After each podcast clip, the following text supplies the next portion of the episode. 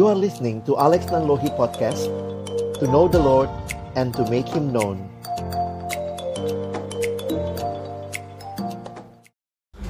Mari tunduk kepala kita berdoa sebelum membaca merenungkan firman Tuhan. Kami datang dalam ucapan syukur pagi hari ini. Terima kasih buat kesempatan ibadah yang Tuhan berikan kepada kami. Kami datang bersama-sama memuji memuliakan namamu dan tiba waktunya bagi kami untuk membuka firman-Mu.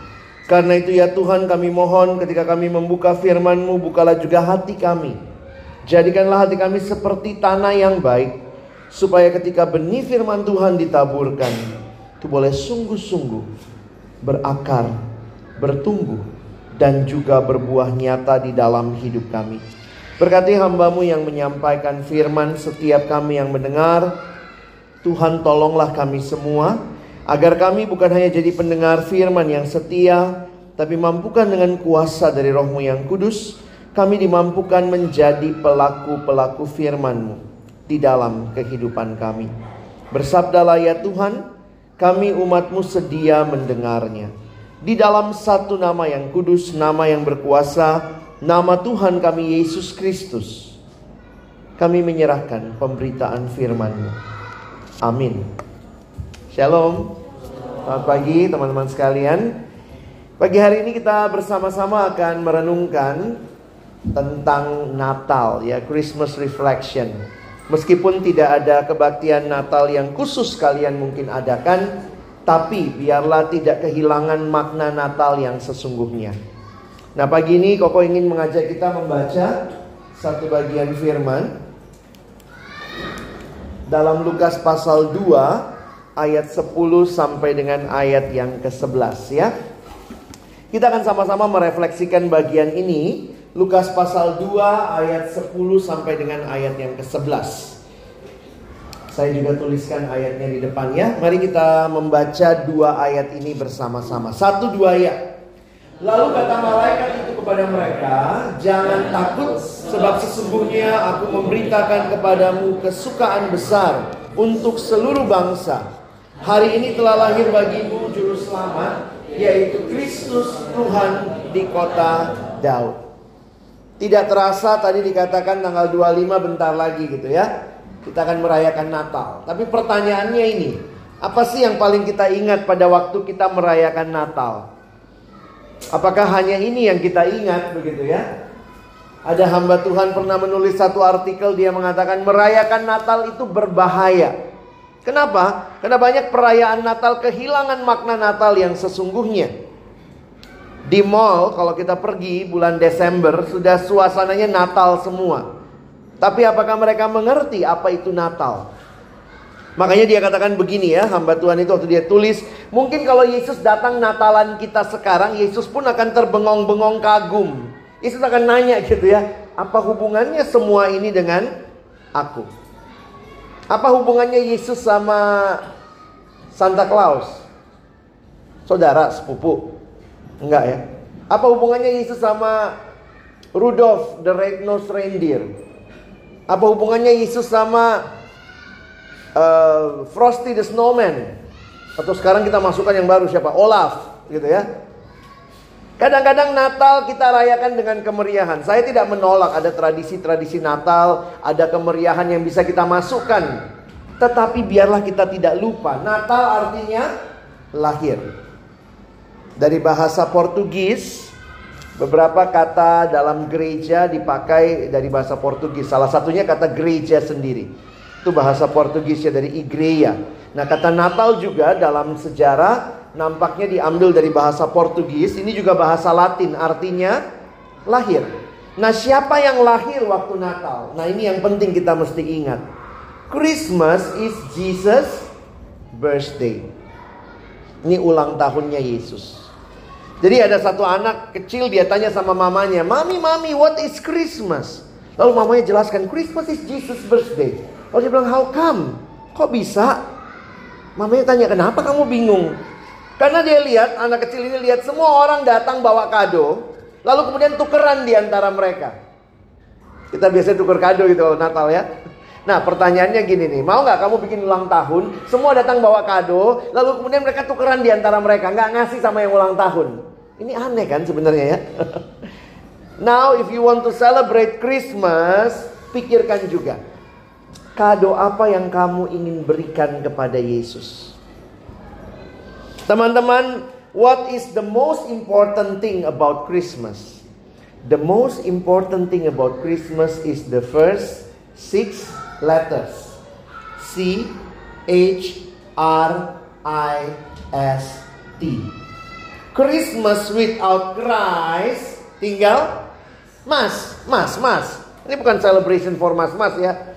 Kita bersyukur Natal kita bicara tentang Kristus. Dialah Tuhan. Karena itu Natal tanpa Kristus, kok suka kumpulin gambar gitu ya. Christmas is empty without Jesus. Nah karena itu saya ingin mengajak kita melihat sama-sama ayat yang kita baca tadi ya. Lukas pasal 2 ayat 10 sampai 11. Teman-teman, sering kali kalau tukeran kado tuh uh, unik ya. Kita dapat kado yang belum tentu kita butuh, benar nggak? Eh tumbler lagi, tumbler lagi. Sekarang yang model tumbler ya. Miniso laku deh pokoknya ya. Miniso dan segala macem gitu ya. Kadang-kadang memang ya kita buat fun, buat kita uh, happy, belajar berbagi sama teman. Tapi kadang-kadang kok pikir gitu ya. Wah ini dapat lagi barang yang nggak terlalu butuh gitu ya. Tapi pada waktu Natal, kalau kita ingat baik-baik, Natal pertama sebenarnya bukan kita yang datang kasih kado kepada Tuhan. Natal pertama, Tuhan yang datang memberi kado kepada manusia. Dia memberikan anaknya sendiri. Natal pertama bukannya kita yang kasih kado sama Tuhan. Kamu bilangnya tapi kan orang majus datang bawa kado, bawa persembahan. Tapi ingat Natal pertama. Allah lah yang pertama-tama mempersembahkan kepada manusia anaknya. Dan kado itu, itu kado yang paling kita butuhkan. Kalau tukar kado kadang-kadang kita nggak butuh kadonya. But at Christmas, the first Christmas, Allah memberikan kita kado, yaitu anaknya yang sangat kita butuhkan. Perhatikan ada tiga nama yang koko ingin kita pelajari pagi ini ya. Dia juru selamat, Kristus dan Tuhan. Di dalam ayat 11 tiga hal ini yang diberitahu. Karena itu mari kita lihat siapakah Yesus yang disampaikan. Sekali lagi dia adalah juru selamat, Kristus dan Tuhan. Kita mulai yang pertama ya. Kenapa dia disebut juru selamat? Teman-teman waktu Koko masih kecil gitu ya kebanyakan nonton film kungfu kali ya. Saya pikir ini waktu kecil ini jurus selamat.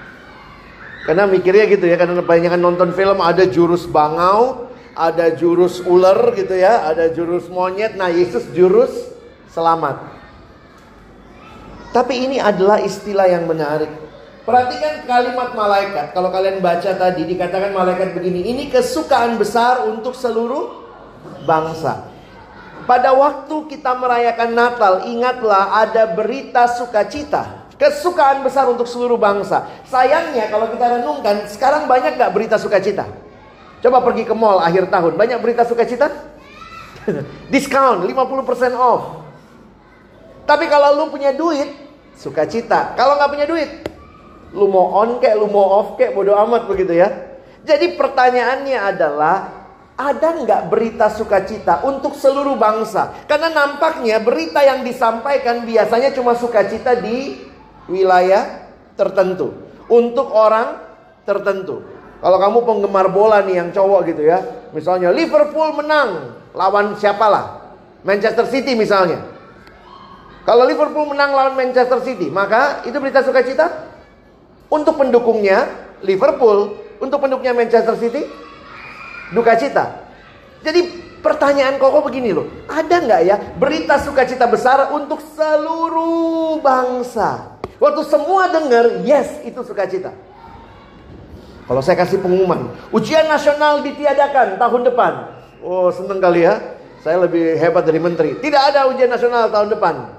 Untuk Medan dan sekitarnya. Sukacita nggak kamu dengar di Jakarta?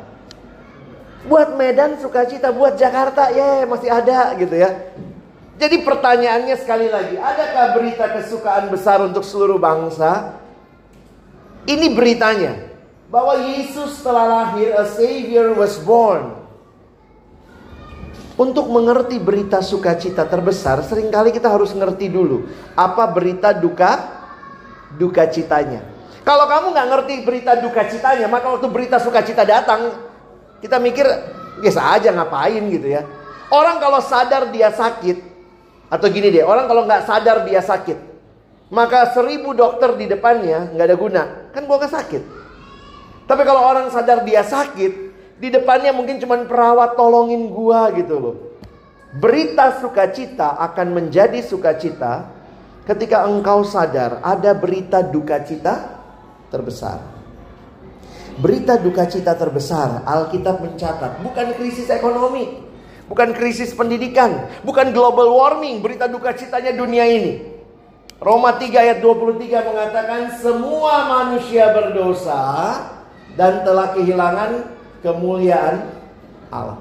Ini berita duka cita terbesar dan karena itu Roma 6 menuliskan upah dosa adalah maut. Coba lihat betapa mengerikannya. Siapa yang berdosa? Semua manusia. Nggak ada dikasih tahu kan yang berdosa cuma yang bodoh-bodoh, yang miskin yang berdosa, yang pinter, yang kaya, oh nggak berdosa. Semua manusia berdosa. Allah ciptakan manusia sebenarnya indah sekali. Pada awalnya Allah ciptakan manusia dalam relasi. Relasi pertama ya dengan Allah. Relasi kemudian dengan orang lain, orang tua, guru, teman. Diciptakan kita dengan relasi dengan diri kita sendiri dan juga dengan alam. Ini relasi yang indah yang Tuhan ciptakan. Tapi ketika dosa, lihat, dosa di dalam Alkitab digambarkan seperti orang yang harusnya memanah kena bagian paling tengah. Ketika dia meleset dari sasaran. Nah, ini istilah yang dipakai dalam Alkitab. Salah satunya dalam bahasa Yunani hamar tia. Jadi dosa itu tidak tepat sasaran. Coba lihat lagi ya. Kalau lihat gambar ini atau lihat tulisan ini, Koko suka mikir gini ya. Allah ciptakan manusia dalam relasi. Jadi kita dicipta untuk menyembah Allah, mengasihi sesama, menerima diri, memelihara alam. Itu tujuan kita dicipta. Tapi dosa merusak semua itu. Saya kasih contoh deh ya. Ini namanya apa? Mic. Gunanya apa? Memperbesar suara. Tahu dari mana? Nah itu, itu. Kalau kalian beli benda elektronik sekarang biasanya disertai sama buku panduan ya kita bisa baca buku panduannya. Oh ini mic dimasukin baterai begini nanti di connect segala macam. Jadi yang paling tahu tujuannya ini apa? Siapa? Yang bikin penciptanya. Jadi mic ini dicipta untuk mengeraskan suara kalau seandainya hamartia ya saya orang kampung nih nggak pernah lihat mic seumur hidup. Datang ke kota iya apa itu? Oh ini buat gatel. Kalau gatel numpang tanya mic mencapai tujuannya dicipta? Tidak. Itu namanya hamal dia meleset dari sasaran. Harusnya ini untuk ngerasin suara. Manusia dicipta harusnya untuk menyembah Tuhan mengasihi sesama menerima diri memelihara alam terus meleset dari sasaran. Allah diapain? Dibuang. Ketika manusia mendengar langkah Allah di taman mereka lari bersembunyi. Harusnya sesama diapain? Dikasihi. Adam begitu ditanya Adam kau makan buah pohon itu siapa yang dia tunjuk? Hawa. Harusnya kita menerima diri. Thank you Lord, aku berharga. Eh sekarang kita merasa kadang-kadang diri, oh gue nggak berharga. Alam, nah ini yang paling gila nih. Alam harusnya dipelihara. Begitu Allah dibuang, eh malah alam disembah. Itulah gobloknya manusia. Benar ya? Ketika lihat pohon besar, permisi ya, makan-makan dulu, kasih makan sama pohon. Meleset dari sasaran. Inilah yang terjadi pada manusia yang berdosa. Rusak relasi dengan sesama juga. Jangan heran ya. Ini relasi-relasi yang ada. Suami, istri, orang tua, anak, guru. Apa yang terjadi? Lihat di Taman Eden nih. Saling menyalahkan, saling mengeksploitasi, saling membunuh. Dosa menjadi bagian kita. Di dalam dosa yang paling penting, aku. How do you spell sin? S I N. Ada yang bilang what is sin? Sin is the I in the center. Akulah yang paling utama. Sehingga ada yang berkata yang paling penting aku puas, aku senang, aku untung, aku aman, akulah segala-galanya. Bukan lagi Tuhan, bukan lagi sesama. Kalau udah begini kondisinya, ini berita buruk buat kita. Lihat dosa membelenggu. Banyak orang terbelenggu dalam dosa. Coba cek ya. Addiction monitormu juga. Jangan-jangan kamu juga sedang dibelenggu dalam dosa. Mungkin kita pikir, wah saya mah nggak seperti apa, saya nggak membunuh, saya nggak mencuri. Tapi bisa jadi ada hal-hal sederhana yang mengikat kita. Ada orang diikat oleh hal-hal seperti ini. Main judi, mabuk, ada yang mulai pakai narkoba. Oh saya nggak kayak gini kok. Oh ya puji Tuhan. Tapi jangan-jangan ada teknologi bisa mengikat kita nggak? Ada yang sekarang diikat sama ini? Wah, kayaknya kalau HP itu jadi segalanya begitu ya. Bangun pagi yang dicari duluan HP. Ketinggalan Alkitab boro-boro balik. Ketinggalan HP pulang ke rumah. Kenapa? HP gua ketinggalan. Kenapa? Kayaknya oh di dalamnya ada Alkitab juga. Puji Tuhan ya. Oh tapi jangan lupa. Survei mengatakan banyak anak remaja yang jatuh dalam pornografi justru di HP yang pintar itu. Katanya smartphone tapi bisa jadi goblok phone nih. Kenapa? Karena bukan phone-nya yang salah, yang makainya goblok. Memang dalam dosa itu kita jadi goblok ya. Siapa sih yang nggak tahu tulisannya merokok dapat merusak kesehatan, tapi orang jadi ngerokok gitu. Jadi sebenarnya kan goblok sendiri ya. Orang jadi tahu, ini udah dikasih tahu nih, ini akibatnya. Ada yang diikat sama ini sekarang? Belanja Harbolnas. Kita nunggu itu gitu ya. Saya dulu pernah pegang KTB ya, satu anak remaja gitu. Lagi KTB nih ya, beberapa tahun lalu ya. Tiba-tiba, bentar kok, bentar kok. Lalu dia kocok-kocok handphonenya. Mesti di shake katanya ya. Shopee ya. Sorry sebut merek. Apa yang terjadi manusia diikat begitu rupa oleh belanja. Saya harus katakan hati-hati. Salah nggak belanja? Enggak. Tapi kalau kita mulai terikat dengan belanja. Lihat orang lain punya, kita cari lagi. Oh di, di online, oh ada nih yang lebih murah dari punya dia. Padahal KW. Tapi akhirnya orang sibuk dengan belanja. Ada nggak yang diikat sama ini nih? Ini banyak nih ya. Drakor. Hmm. Boleh nggak sih nonton drama Korea? Boleh, tapi pertanyaannya ini mengikat kita nggak? Jangan-jangan ini siapa nggak tahu ya? Opa, oma, I'm so tired, sarang, sarang semut, sarang tawon gitu ya. Ini jadi realita yang menarik sekarang. Kenapa? Karena kok kayaknya satu malam bisa nonton 3-4 seri. Sampai paginya ngantuk. Baca Alkitab baru dua ayat. Oh, gitu ya. Apa yang salah dengan kerohanian kita ya? Hati-hati nih, kok nggak tahu nih siapa aja nih, saya cuma cari-cari gambar aja. Tapi inilah yang banyak mengikat orang sekarang. Sehingga hati-hati kalau kita terikat. Boleh nggak nonton? Boleh, tapi awas jangan sampai terikat itu kayak apa sih kok? Kalau kamu akhirnya kepuasannya itu, puasnya cuma itu, lalu kemudian mulai bangga gitu. Harga diri ditentukan dari drama Korea. Ketemu teman, lu udah nonton yang ini belum? Belum. Eh gua udah dong. Hmm, kayaknya harga diri kita naik. Hanya karena Terus ada lagi yang begini. Di drama Korea dia putus, kita yang baper seharian. Itu kan goblok, ya. Itu udah mulai terikat tuh kalau kayak begitu. Mulai uring-uringan. Kenapa sih? Dia putus. Nah. Padahal di bagian akhirnya nyambung lagi nanti ya. Nah, yang cowok nih mungkin ini kali ya. Gambarannya nggak tahu nih. Wah kalau udah main gitu ya lupa diri, lupa waktu, terikat. Dan ini memang jadi realita. Boleh nggak sih main game? Boleh, tapi kalau udah terikat, udah merasa dirinya bangga. Kenapa? Bukan bangga pelajaran di sekolah bagus. Oh, gue naik level misalnya gitu ya. Gue bisa jual karakter. Ya. Sibuknya sama hal-hal yang sebenarnya bukan utama. Ya, Nah ini yang tadi Koko bilang ya, ada yang terikat dengan pornografi di kamar yang gelap sendiri, nonton, lihat begitu. Rasanya puas, tapi apakah itu kepuasan yang sejati? Banyak orang yang terikat. Belakangan ini saya makin sedih juga ya. Banyak anak remaja kayaknya di Facebook, di mana di YouTube ngaku, oh aku gay begitu. Jadi kayaknya I just follow my heart karena hati gue begini. Saya mau ingatkan kita.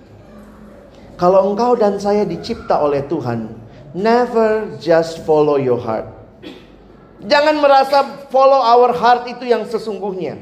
Alkitab mengatakan follow God's word.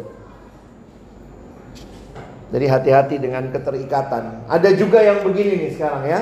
Free sex. Sex before marriage.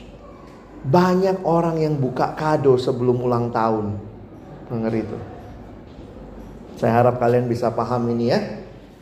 Nah, ada juga yang terikat sama apa? Kita hidup dalam dunia yang berdosa. Banyak masalah relasi Termasuk mungkin, maaf ya, koko nggak tahu kondisi keluargamu, tapi bisa jadi kalian ada dalam keluarga-keluarga yang bermasalah. Karena memang tidak ada keluarga yang tidak punya masalah. Tergantung masalahnya beda-beda. Dan banyak anak yang tumbuh melihat orang tua yang sering berantem. Dan ketika orang tua begitu rupa memang selalu yang jadi masalah adalah anak. Anak jadi korban maksud saya.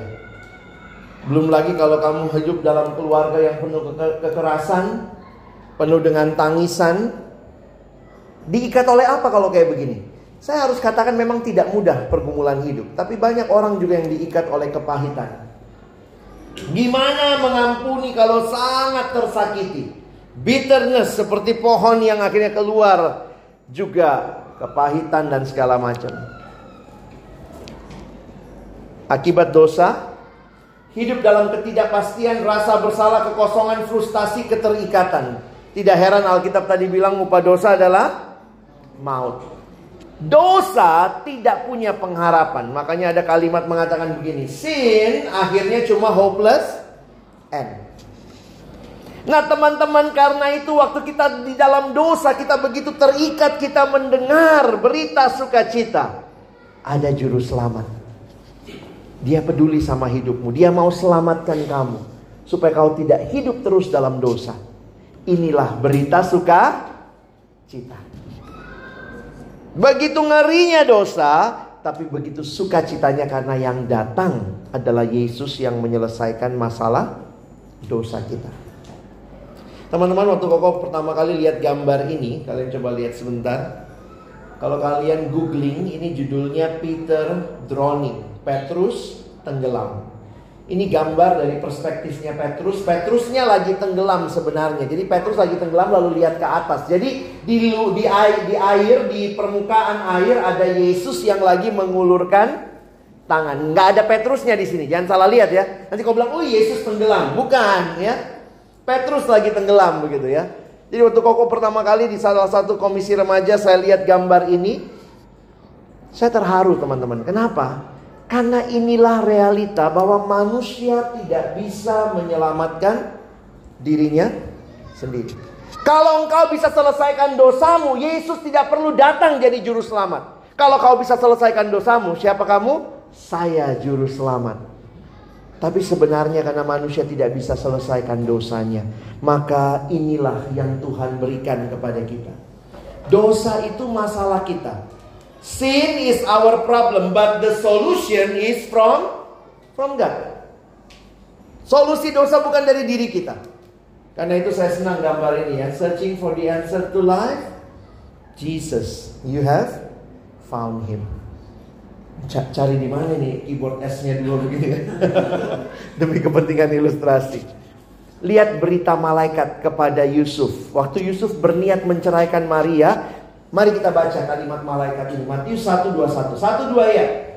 Ia akan melahirkan anak laki-laki dan engkau akan menamakan dia Yesus karena dialah yang akan menyelamatkan umatnya dari dosa mereka. Yesus tujuan datangnya jelas menyelamatkan manusia dari dosa. Yesus bukan datang buat studi tour, studi banding, live in, bukan. Dia datang supaya engkau yang hidup dalam dosa, saya yang hidup dalam dosa diselamatkan. Makanya harusnya Natal itu bukan cuma perayaannya orang Kristen. Benar nggak? Siapa yang harusnya merayakan Natal kalau lihat ayat ini? Semua manusia berdosa. Yesus nggak pernah turun dari surga pakai papan besar. Maaf untuk kalangan sendiri. Kita yang bikin papan itu. Dia datang untuk semua manusia berdosa. Karena itu jangan. Saya terima kasih tadi MC di awal mengatakan song leader kita bilang jangan cuma melihat Natal tapi juga kita lihat ada Paskah, ada Jumat Agung. Kadang-kadang kita romantisasi Natal. Oh Natal tuh kayaknya indah gitu ya. Yesusnya juga masih kecil ya. Kalau bayi masih kecil tuh kayaknya bisa dibully ya. Cubit nih, cubit nih. Eh, jatuhin nih, jatuhin ya. Tapi Yesus yang kecil itu bertumbuh besar melayani. Dia menderita, mati, dan bangkit. Karena itu salah satu salah satu dekorasi Natal yang koko paling berkesan itu dekorasi dibikin sama teman saya. Dekorasinya sangat sederhana. Saya gambarkan ulang kira-kira kayak begini ya. Pasti nggak ini jelek banget ya, tapi kira-kira begini. Dekorasinya dia buat di sudut kanan panggung atau sudut kirinya kalian ya. Di sudut kiri panggung situ dia buat palungan. Lalu di sudut kanan panggung dia bikin bukit Golgota. Lalu dia bikin jalan yang panjang dari sebelah kiri ke sebelah kanan. Ini menunjukkan apa? Yang datang itu Yesus, dia datang untuk mati supaya engkau dan saya boleh hidup. Di mana Yesus bilang sudah selesai. Kalian lihat gambar ini? Waktu Koko pertama dapat gambar ini saya senang gitu ya. Ini siluetnya hidup Yesus dari dia lahir sampai dia bangkit. Tapi di mana Yesus bilang sudah selesai? Di kayu salib. Dia nggak bilang sudah selesai di sini ya. Bayangkan kalau dia di palungan terus ngomong udah selesai lari tuh gembala ya ada anak kecil bisa ngomong ya. Yesus bilang sudah selesai bukan habis kasih makan 5000 orang dia bilang sudah selesai. Kalau kayak gitu kita nggak selamat. Yesus tidak bilang sudah selesai habis dia jalan di atas air sudah selesai. Dia bukan datang buat akrobat. Dia bilang sudah selesai di atas kayu salib. Karena di situlah dosamu, dosaku diselesaikan. Karena itu jangan memisahkan Natal dengan Jumat Agung dan Paskah. Yesus bayar harga yang sangat mahal untuk penebusan kita. Koko kutip satu kalimat dari pendeta Billy Graham. Dia mengatakan begini, ketika Allah Allah membuktikan kasihnya pada kayu salib, ketika Kristus digantung berdarah dan mati, itulah saatnya Allah berkata kepada dunia, aku mencintaimu. Kadang saya mikir juga ya, memang Kristen unik. Kita rayakan Natal agak meriah ya. Lebih meriah karena pas akhir tahun, libur panjang. Tapi kenapa lambangnya Kristen salib ya? Kenapa kita nggak pakai palungan? Ada nggak bikin kalung salib? Ya bukan kalungnya, kalungnya palungan gitu. Ya. Lebih berat kan gramnya? kenapa kalung kita salib? Karena sebenarnya di, di salib itulah sudah selesai dan Tuhan katakan, Aku mengasihimu. If we are looking for a definition of love, we should look not in a dictionary, but at Calvary. Ini kalimat cantik ya. Bahasa Indonesia susah diterjemahin. Karena dictionary Calvary. Makanya waktu koko mengerti ini, iya terima kasih Tuhan. Engkau adalah kasih. God is love. But again, Jesus prove it. Yesus membuktikan kepada kita bahwa Allah itu kasih. Makanya kalau kita mengerti kasih, ada yang bilang gimana kalau anak sekarang kan foto gimana eh, sarang-sarang begitu ya. Saya lihatnya, this is not love. Bukan ini kasih. Dalam kekristenan bukan ini kasih ya. But this is love. Allah memberikan anaknya yang tunggal. Kenapa kita butuh juru selamat? Kenapa yang dikasih sama manusia juru selamat? Karena kita hidup dalam dosa. Tuhan tahu persis kado apa yang kamu butuh. Karena itu dia kasih juru selamat. Coba kalau ke Tuhan kasih tumbler dari surga gitu ya. Tuhan juga beli di Miniso misalnya gitu ya. Tumbler nih, nggak butuh Tuhan. Tapi ketika dikasih ini juru selamat, kita nggak bisa bilang, sorry saya nggak butuh. Makanya orang yang merayakan Natal harusnya mengerti bahwa engkau dan saya harusnya binasa dalam dosa. Dua yang terakhir kok lebih cepat. Kristus. Pertama dia juru selamat, yang kedua Kristus. Kristus ini apa? Kalau kalian lihat di kamus Alkitab, Kristus adalah terjemahan Yunani dari kata Ibrani Masyiah atau Mesias. Bahasa Arabnya Al Masih. Jadi sebenarnya kalau mereka ngomong Al Masih, mereka mengakui Yesus Mesias. Begitu ya. Nah, ini bukan marganya Yesus, bukan famnya ya. Yesus, Yesus marganya apa? Yesus marganya Kristus, bukan. Itu Kristus adalah julukan gelarnya. Dia adalah yang diurapi oleh Tuhan. Memang pada akhirnya Kristus juga jadi nama diri kayak melekat gitu. Siapa? Yesus Kristus. Baktinya Yesus sang Mesias. Mungkin waktu itu ada banyak ya. Yesus sang apa, Yesus sang apa. Nah dia Yesus sang Mesias. Nah apa yang menarik? bahwa Mesias ini menunjukkan Allah setia. Saya kasih gambarannya begini ya. 700 tahun sebelum Yesus lahir, Nabi Yesaya menubuatkan kedatangan Mesias. Jadi waktu saya lihat ini persis di dalam timingnya Tuhan. Teman-teman Tuhan memberikan yang paling kita butuhkan bukan di waktu yang kita mau, tapi waktu yang dia mau. Saudara lihat sebentar kalimat Galatia. Paulus bilang begini, tetapi setelah genap waktunya, maka Allah mengutus anaknya yang lahir dari seorang perempuan dan takluk kepada hukum Taurat. Ia diutus untuk menebus mereka yang takluk kepada hukum Taurat supaya mereka kita diterima menjadi anak. Timingnya pas Tuhan tidak lalai menepati janjinya. Walaupun ada yang mikir, oh Tuhan kau kok nggak datang-datang, tetapi Tuhan sabar terhadap kamu. Karena ia menghendaki supaya jangan ada yang binasa, melainkan supaya semua orang berbalik dan bertobat. Teman-teman, saya melihat di sini ada pengharapan. Pengharapan kita bukan dari dunia, tapi dari Allah. Kita manusia dalam dosa nggak punya pengharapan. Ketika yang datang Kristus, dia membawa pengharapan. Karena berarti apa yang Allah janjikan, Allah genapkan pada waktunya. Kalimat ini ditulis oleh Pastor Rick Warren. Jesus turns your hopeless end into endless hope. Terakhir, Dia adalah Tuhan. Maksudnya apa? Teman-teman ada dua istilah besar di Alkitab. Perhatikan sebentar ya, Koko jelaskan. Istilah pertama itu pencipta. Contoh ya, kalau saya cipta benda ini, begitu dicipta ini punya siapa? Punya yang mencipta. Jadi sebenarnya dalam penciptaan ada konsep kepemilikan. Oke? Jadi bisa dipahami ya, waktu dicipta berarti ini milik yang cipta.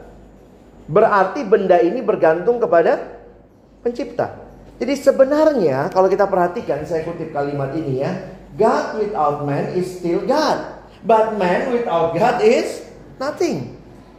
Dan inilah yang kita boleh pahami bahwa Allah menciptakan kita berarti kita punyanya Allah. Kita harusnya melayani Allah. Istilah kedua yang Alkitab berikan buat kita adalah istilah tebus. Ini istilah pasar. Kalau ada benda terjual tergadai, apa artinya tebus? Bayarkan sejumlah uang atau tukar barang supaya benda itu kembali jadi milik kita. Jadi baik dalam konsep penciptaan dan konsep penebusan dua-duanya punya konsep kepemi kepemilikan. Kalau kamu dicipta Allah, siapa dia? Dia pemilik hidupku. Kalau kamu ditebus oleh Allah, siapa dia? Dia pemilik hidupku. Berarti dia harus jadi Tuhan. Ini bernama, orang bernama Abraham Kuyper pernah jadi Perdana Menteri Belanda. Dia mengatakan, kalau betul Yesus adalah Tuhan atas hidupku, maka tidak ada satupun inci dalam hidupku yang Yesus tidak bisa katakan, itu punyaku. Semuanya milikku. Christ is either Lord of all or He is not Lord at all. Harusnya kita menyerahkan hidup kita kepada Tuhan. Karena itu, Nah ini lagi ada satu orang namanya Kyle Dia tulis buku ya. Dia tulis begini Yesus tidak mau jadi yang nomor satu dalam hidup kita. Dia mau hanya jadi satu Satunya. Serahkan seluruh kendali hidup kita kepada dia Karena dialah Tuhan yang sesungguhnya. Kamu dan saya bukan Tuhan. Dialah satu-satunya pemilik yang berkuasa atas hidup kita. Makanya si Kyle Idleman tulis juga buku ya. Kalau betul Yesus jadi Tuhan, maka saya sekarang selesai ya. Dia tulis buku judulnya The End of Me. If Jesus is Lord, then the end of me. Respon kita apa? Saya pikir sih ini pertanyaan pernah saya dapat dari satu anak remaja. Jadi kok gimana harusnya kita merayakan Natal? Saya bilang Natal itu masalah hati sebenarnya. Buka hatimu, prepare your heart for Christmas. Christmas is not about opening present, but open your heart. Makanya ada lagu yang indah yang mengatakan begini. Christmas isn't Christmas till it happens in your heart. Somewhere deep inside you is where Christmas really starts. So give your heart to Jesus. You'll discover when you do that Christmas really Christmas for you. Natal hanya akan jadi Natal kalau itu terjadi di hatimu. Buka hati terima Yesus. Miliki hidup yang berpusat kepada Kristus. Sekarang udah kita lihat tadi tiga nama itu ya. Kalau dia juru selamat, maka dulunya hidup dalam dosa, sekarang hidup dalam kebenaran. Berhenti melakukan dosa. Minta Tuhan tolong saya, saya mau hidup dalam kebenaran. Karena yang lahir itu Kristus, maka kamu dan saya yang tadinya hidup dalam keputusasaan sekarang punya pengharapan. Sekali lagi karena yang lahir adalah Tuhan, maka kita berhenti. Dulu saya sangat self-centered, sekarang saya God centered. Mesti tanya ya, masuk tahun 2020. Kalau saya tuannya, maka pertanyaan apa? Saya mau apa di tahun 2020? Tapi kalau bukan kamu tuannya, dia Tuhannya. Maka tanyanya apa? Tuhan, Tuhan mau apa bagi saya di tahun 2020? Beda kan sikapnya? Harus ada komitmen untuk berubah. Ada hal-hal yang harus ditanggalkan. Ini istilahnya Paulus. Ada yang ditanggalkan kayak buka baju ya. Ditanggalkan, ada yang dikenakan.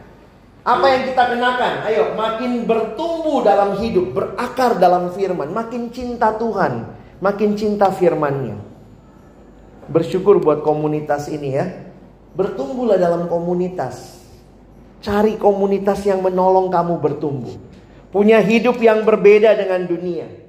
Ini yang harusnya juga kamu dan saya perjuangkan. Kalau betul yang lahir adalah Tuhan, Juru Selamat, Kristus, maka bagaimana? Cara belajar kita berubah nggak? belajar sekadar belajar tanpa tujuan. Sekarang harusnya bagaimana kita mempersembahkan yang terbaik bagi Tuhan. Cara kalau kalian sudah bekerja, cara bekerja kalian berubah. Cara bergaul juga harus berubah. Bukan cari yang menyenangkan saya, tapi apakah ini menyenangkan Tuhan? Ada orang seneng kalau temennya semua orang hancur. Iya temen gue hancur semua. Terus lama-lama kamu jadi hancur. Harusnya kamu berkata Tuhan tolong saya. Saya bisa jadi berkat di situ yang sudah pacaran nih. Saya sih nggak rekomend anak SMP, SMA pacaran ya. Nanti dulu lah. Belum bisa tanggung jawab biasanya. Tapi kalau mungkin sudah kuliah, sudah mulai pacaran, maka ingat ya. True love waits. Ada yang kecil nih, kelihatan nggak? Save it until marriage. Jadi jangan pacaran gaya anak sekarang yang aneh-aneh begitu ya. Baru pacaran dia udah panggilnya papa mama. Ih, jijik banget sih. Ya elah. nah yang terakhir yang Koko mau sampaikan ya. Ini juga Natal kesempatan untuk pemulihan hubungan. Kalau betul kamu hidup dalam kebenaran, apakah kamu punya hati yang mengampuni? Beberapa anak remaja sakit pahit sama orang tua, sama teman. Di akhir ini saya ingin mengajak kita memikirkan sebentar ya. God can heal a broken heart. Ada yang berkata, Tuhan sulit sekali saya mengampuni.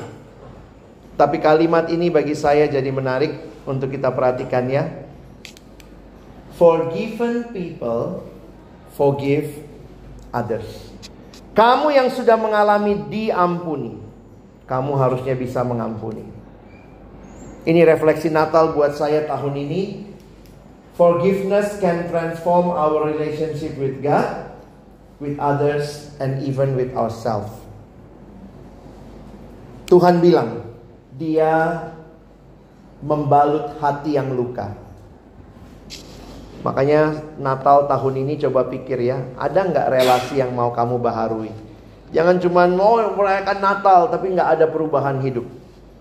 Natal bicara perubahan hidup. Natal bukan sekadar perayaan, tapi Natal adalah perubahan. Seringkali Tuhan nggak langsung ganti situasinya. Kau pulang masih itu papamu kan? Kau pulang masih itu mamamu. Kau pergi ke sekolah masih itu temanmu. Mungkin yang nyakitin kamu, oh Tuhan sakit banget. Tapi belum tentu Tuhan langsung ubah situasinya. Tapi yang menarik, ketika engkau serahkan hatimu kepada Tuhan, maka mungkin Tuhan pertama-tama mengubahkan kamu dulu. Tuhan ubah kamu. Bukan lagi benci tapi mengasihi, bukan lagi marah tapi belajar sabar, bukan lagi mendendam tapi mulai mendoakan. Dan ini pertanyaan buat kita ya, how about you? Satu waktu Koko pimpin Natal setelah perayaan, eh, setelah ibadah, perayaan lalu MC-nya ngomong begini ya. Baik saudara, kita tiba pada acara puncak kita malam ini yaitu makan malam bersama. Saya pikir ya ampun, puncaknya makan malam ya bukan bukan khotbah gua tadi gitu ya. Banyak orang lupa, dia pikir Natal masalah makanan. Natal adalah masalah hati yang diserahkan kepada Tuhan. Kalau Natal masalah makanan, maka kita miss the point of Christmas. Kalau Natal hanya membawa perubahan berat badan, you miss the point of Christmas. Tapi harusnya Natal membawa perubahan hidup. Karena Yesus lahir di hati kita. Natal bukan sekadar perayaan, tapi Natal adalah perubahan. Selamat menyambut Natal. Tuhan Yesus memberkati kita. Mari kita berdoa. Tuhan terima kasih banyak. Firmanmu sudah diberitakan. Kau memberikan kami kado yang paling kami butuhkan. Terima kasih untuk putramu Tuhan kami, Yesus Kristus. Yang kelahirannya membuat kami tidak lagi mau terus hidup dalam dosa. Kami mau hidup dalam kebenaran. Terima kasih untuk kelahiran Kristus yang membuat kami yang putus asa mungkin karena situasi hidup pergumulan. Banyak anak remaja sekarang pikirannya hanya mau bunuh diri, selesaikan hidup. Tapi kalau kami merayakan Natal, kami punya pengharapan. Dan karena yang lahir adalah Tuhan kami, Tuhan kami, pemilik hidup kami. Biarlah kami mempersembahkan seluruh hidup masa muda kami kepadamu. Terima kasih Tuhan. Tolong Natal tahun ini benar-benar ada perubahan yang nyata dalam hidup kami. Tolong kami bukan jadi pendengar firman saja, jadikan kami pelaku-pelaku firman-Mu. Dalam nama Yesus kami berdoa. Amin.